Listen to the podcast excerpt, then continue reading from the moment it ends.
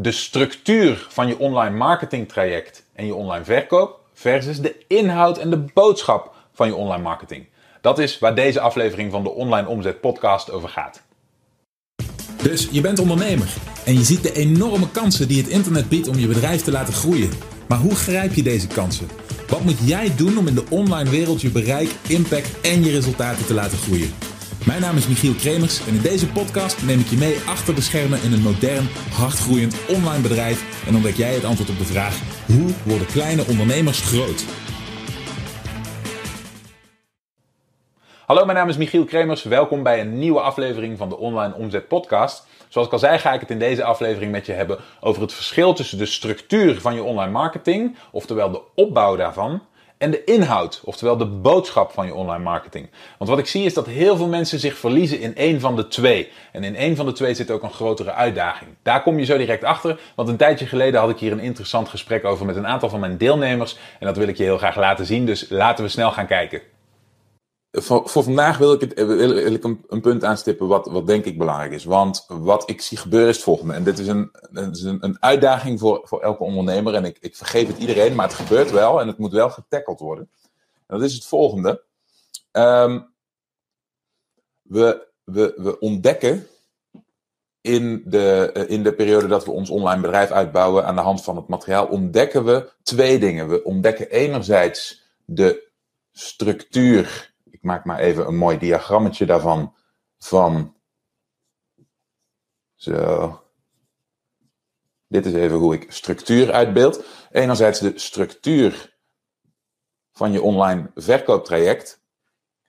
Er zit natuurlijk precies een, een schaduw voor, dat zul je ook altijd zien. Even kijken of ik daar nog iets aan kan doen. Zo, dat scheelt. Dus enerzijds uh, de structuur en anderzijds de inhoud. En het meest concrete voorbeeld hiervan zijn je pagina's. Dus enerzijds leren we, oké, welke pagina's moeten we nou eigenlijk aanmaken? Wat moet daarvan, uh, op welke volgorde moeten die zijn? Dan heb ik het over landing pages, dan heb ik het over sales pages, dan heb ik het over upsell pages, dan heb ik het over al dat soort dingen. Video sales letter pages enzovoort. Maar vervolgens, dan heb je het alleen nog maar over de structuur. Dan heb je het over hoe die dingen elkaar opvolgen, wat logisch is, wat wanneer komt. Wij hebben het dan over de front-end. Hè, en later hebben we het over het onderhoudstraject in je e-mail marketing, die je, uh, je potentiële klant elke keer terug laat komen, waardoor jij meerdere kansen hebt om te verkopen. Maar dat is alleen de structuur. En daartegenover staat de inhoud. Dus als je die pagina's op de juiste manier achter elkaar hebt gemaakt, als je de logische volgorde daarvan hebt opgebouwd, als je bij wijze van spreken de infrastructuur van je bedrijf online hebt gebouwd, dan wordt daarna uh, de, het belangrijkste onderwerp om je mee bezig te houden, wordt die inhoud. En die inhoud is dus, wat communiceer je nou eigenlijk naar je potentiële klant? Wat zeg je nou eigenlijk op een landingspagina om ervoor te zorgen dat zoveel mogelijk mensen zich bereikbaar voor je gaan maken? Wat zeg je nou eigenlijk in een sales letter of wat uh, script je nou eigenlijk in een video sales letter om ervoor te zorgen dat zoveel mogelijk mensen warm en enthousiast worden en uiteindelijk een koopbeslissing maken? Wat zeg je nou eigenlijk in je e-mail newsletters en je e-mail marketing om ervoor te zorgen dat mensen je meer en meer gaan vertrouwen, je als een autoriteit in je domein zien en teruggaan naar je website om alsnog actie te ondernemen? En wat ik zie is um, dat, er, dat de, zeg maar de valkuil, en ik herken hem bij mezelf in het verleden en ik zie hem nu bij een aantal van jullie de afgelopen tijd uh, voorkomen, en dat moet eventjes getackeld worden, is ik zie dit gebeuren. Er wordt, um, er wordt afgewisseld, er wordt geschommeld naar periodes van interesse en focus op structuur en periodes van interesse en focus op inhoud. En dat brengt als probleem met zich mee dat die twee niet los van elkaar kunnen leven. Dus als jij een fantastisch stuk sales copy hebt ontwikkeld en je zet dit vervolgens op een plaats waar het helemaal niet logisch is voor je bezoeker om daar op dat moment mee geconfronteerd te worden, of ze weten nog helemaal niet wie je bent, of ze hebben nog helemaal nooit ze hebben zich nog helemaal nooit gerealiseerd dat ze überhaupt iets van je nodig hebben. Of wat dan ook. Dan heeft dat hele stuk sales copy eigenlijk geen waarde voor je. Oké? Maak jij een fantastische structuur. Volg je alle best practices op. Of dat nou de mijne zijn of die van iemand anders. Ehm, en je bouwt een marketingtraject uit met landingspagina's, met salespages, met logica daarin. Oké? Om het maximale uit iedere bezoeker te halen. Dus niet slechts één aanbod op, eh, op een pagina zoals vroeger de gemiddelde webshop deed. En eigenlijk nog steeds de gemiddelde webshop doet, wat niet werkt. Hè? In plaats daarvan een kloppende verkoopstructuur te bouwen zonder die inhoud. Dat kan ook niet. Snap je? Dus je hebt beide nodig. Zowel het uh, stukje communicatie wat ervoor zorgt dat die persoon betrokken raakt bij hetgeen jij probeert te doen. En de logische structuur waardoor de juiste boodschap op het juiste moment komt. Nou, de grote, uh, het grotere risico van deze twee ligt bij de structuur. Oké? De inhoud is namelijk uitdagender, lastiger, kost vaak meer energie, kost vaak meer moeite om te genereren. Dus, de, en daarom zeg ik, de valkuil ligt juist bij de structuur. Wat, wat bedoel ik dan?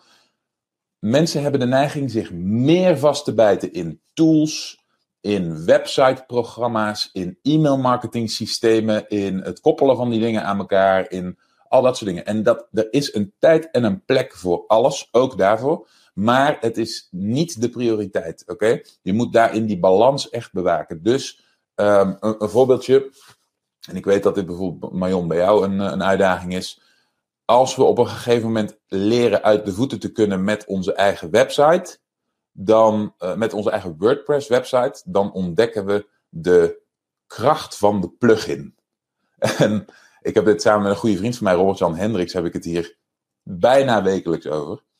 Wij noemen dat pluginitis. Op een gegeven moment zie je al die mooie tools en al die mogelijkheden van al die spannende dingen. En je hebt een bedrijf of een bedrijfje om dat op te botvieren. En dan is het zo'n valkuil om allemaal van dit soort stoere dingen te gaan verzinnen die je kunt doen met je website. Hè? Dus de, werkelijk waar, ik heb websites gezien die meer dan 100 plugins geïnstalleerd hadden. En het probleem is naast het feit dat het ontzettend afleidt, hè, dat het uh, voelt alsof je met iets nuttigs bezig bent. Het valt immers onder een van die twee pilaren. Maar uiteindelijk is het volledig uit balans. En ben je helemaal niet bezig met dat stukje inhoud. En ervoor te zorgen dat iemand, hè, dat een potentiële klant op een logische manier overtuigd wordt van jouw waarde. En uiteindelijk tot een koopbeslissing komt. En ben je alleen nog maar bezig met eigenlijk experimenteren met toffe dingen. Nou, ik, uh, ik hou best wel van, van internettechniek. En dit voor mij is heel lang een grote valkuil geweest. Want ik vond het ook ontzettend leuk om al die systemen uit te bouwen. En om daarin heel diep en heel ver te gaan. En dat, ik, ik, wil ook niet zeggen dat dat per se verkeerd is. Maar dat mag niet uit balans zijn. Er moet net zoveel tijd, energie en aandacht gestopt worden in die inhoud ervan. Om ervoor te zorgen dat het ook iets doet voor je bedrijf. Anders is al die moeite voor niets. Oké? Voorbeeldje met de plugins vind ik een, een hele sprekende.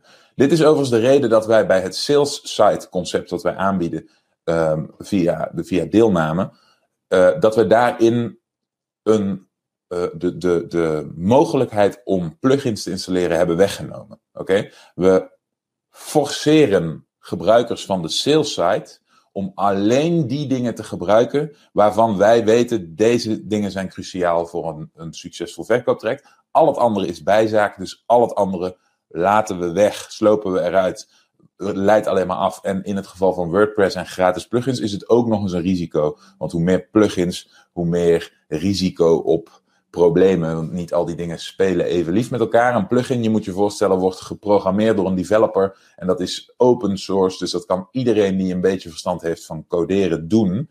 En, um, en, dat, en het is ook nog eens een verdienmodel. Dus de incentive voor heel veel van, zeg maar, hobbyistische programmeurs is om houtje touwtje iets snel in elkaar te flansen om het vervolgens te kunnen verkopen, omdat het een of ander WordPress-probleem aanspreekt voor mensen.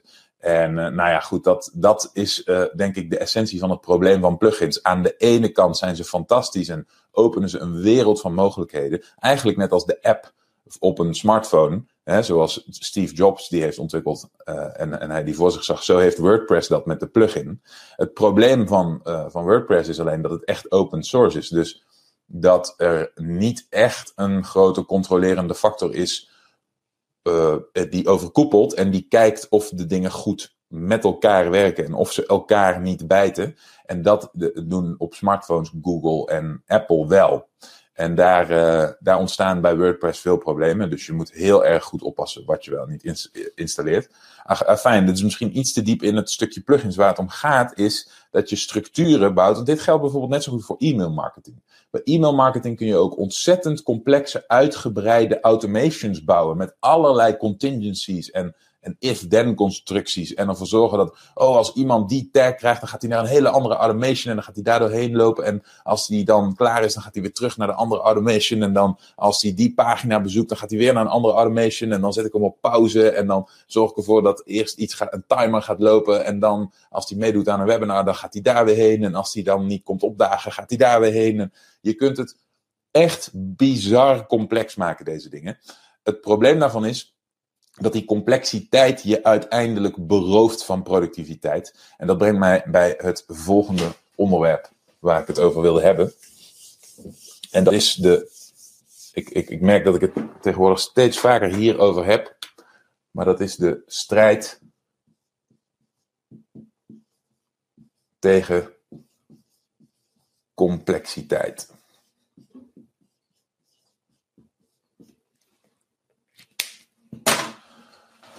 Ehm, ik hoop dat het een beetje leesbaar is.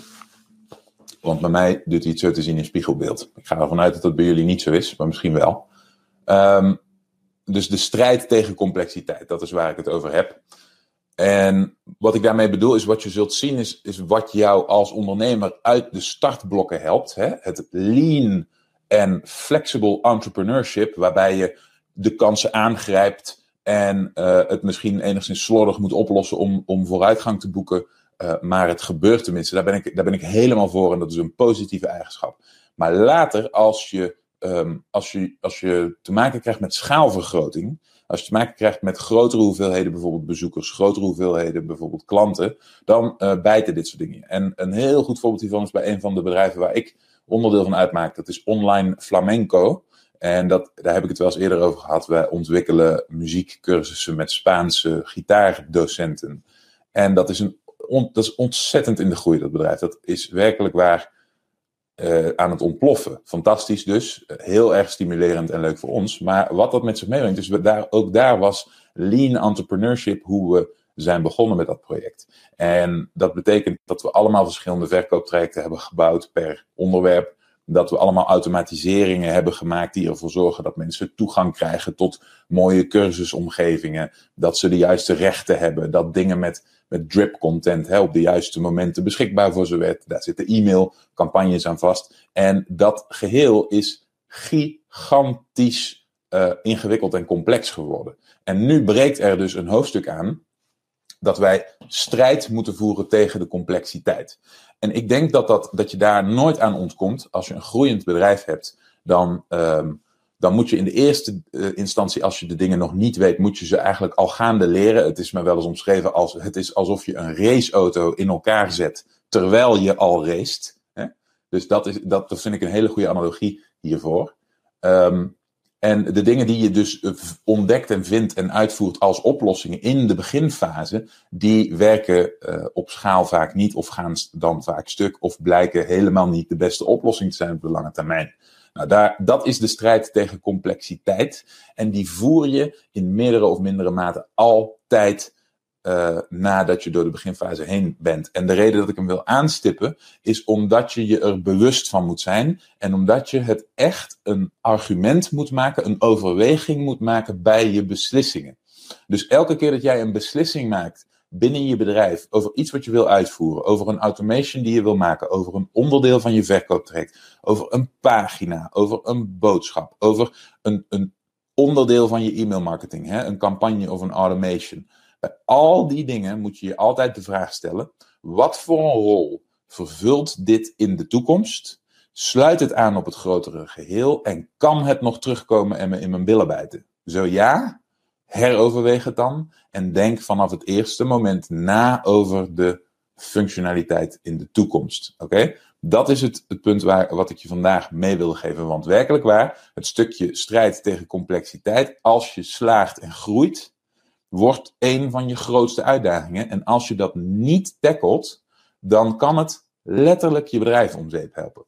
Want dit zijn het type problemen die ervoor zorgen dat je, eh, dat je iets hebt onderschat. Hè, dat een van je systemen de hoeveelheden niet aan kan of iets fout doet op termijn. Hè, waardoor al je klanten ineens ergens geen, uh, geen toegang meer tot hebben, waardoor je, uh, waardoor je website niet gebackupt bleek, waardoor het kapot gaat en uit de lucht gaat. De, werkelijk waar, de problemen die er ontstaan in, de, uh, in, in het onderdeeltje infrastructuur, die zijn niet te voorspellen. Het enige wat je kunt doen is zorgen dat je het zelf heel goed begrijpt. En dat is lastig als het hele uitgebreide complexe systemen worden. Het puntje e-mail marketing, um, Marion, jij hebt het daar al over. Het puntje e-mail marketing is hier een heel goed voorbeeld van. Het is niet voor niks dat ik het in het programma alleen maar heb over een, een eigenlijk rechte lijn met, uh, met, met informatieve, leuke, betrekkende, uh, onderhoudende e-mails. Hè, waardevol materiaal. En elke keer als mensen hem niet openen, even één aparte variant daarvan nasturen, zodat je de pardon, open ratio's verhoogt. En al die andere functionaliteiten even achter, achterwege laten. Je kunt hooguit klanten uit bepaalde dingen filteren hè, en die wat apart geven. Maar ga vooral in de beginfase, als je nog niet super goed uit de voeten kunt met je programma's en nog niet heel helder hebt uitgedacht hoe die structuren eruit gaan zien op de lange termijn, hou het daar dan bij. Oké? Um, dit is denk ik ook het punt waarop ik nog even wil herhalen dat het exponentiële omzet-ontbrandingstraject met de zes modules, met alles wat daarin zit, uitgedacht is als zijnde de bare minimum van wat je nodig hebt voor een verkooptraject. Volg die structuur, volg die volgorde, werk uit wat we daarin doen alsjeblieft. Maar ga er, sla er nog niet in door. Oké, neem, die, uh, neem die liberty in de toekomst. Als je goed weet wat je doet en, en, en bent volgroeid op dat vlak. Als je, als je dingen tegenkomt die je voor het eerst doet, doe dan wat we omschrijven in de cursus. En ga door met het volgende onderdeel. En, en laat het daar voorlopig bij. Oké, dat is het advies wat ik je vandaag wilde meegeven. En zoals je ziet is er een grote valkuil voor het te veel bezig zijn met de structuur, de tools, de mogelijkheden op het internet. En hebben mensen de neiging om zich daarin te verliezen in plaats van zich voldoende bezig te houden met de inhoud en de boodschap die er uiteindelijk voor moet zorgen dat iemand zich betrokken voelt tot jouw bedrijf en uiteindelijk een klant wil worden. Om ervoor te zorgen dat je daar niet intrapt, heb ik een oplossing voor je. Tijdens deelname aan mijn traject werken we namelijk aan een super gestructureerde opbouw van je verkooptraject, oftewel je online marketing traject. En zorgen we ervoor dat je de juiste snaar raakt die er uiteindelijk voor zorgt dat iemand over de streep komt en klant wordt bij je. Als je nu bij jezelf denkt, dit is iets waar ik hulp bij kan gebruiken. Dit is iets waar ik al langer mee worstel. Ik merk dat ik de klok heb horen luiden, maar niet weet waar de klepel hangt. En ik verlies me ook in die structuur. In al die toffe dingen die kunnen. In al die plugins, al die tools, al die chatbots, al die SEO, al die stoere marketingtermen. Dan is deelname aan het ontbrandingstrek misschien iets voor jou. Ga dan naar onlineomzet.com slash interesse. Maak een afspraak met mij of een van mijn collega's. En dan hopen we je heel binnenkort aan boord te zien stappen bij ons. Hey, tot snel en tot in de volgende aflevering. Bedankt voor het luisteren. Heb je iets aan deze aflevering gehad of heb je een vraag? Laat het me weten via de comments. En vergeet niet te abonneren. Dan blijf je op de hoogte van alle tips en strategieën waarmee jij als moderne ondernemer groot kunt worden. Voor een overzicht van alle afleveringen ga je naar onlineomzet.com/podcast.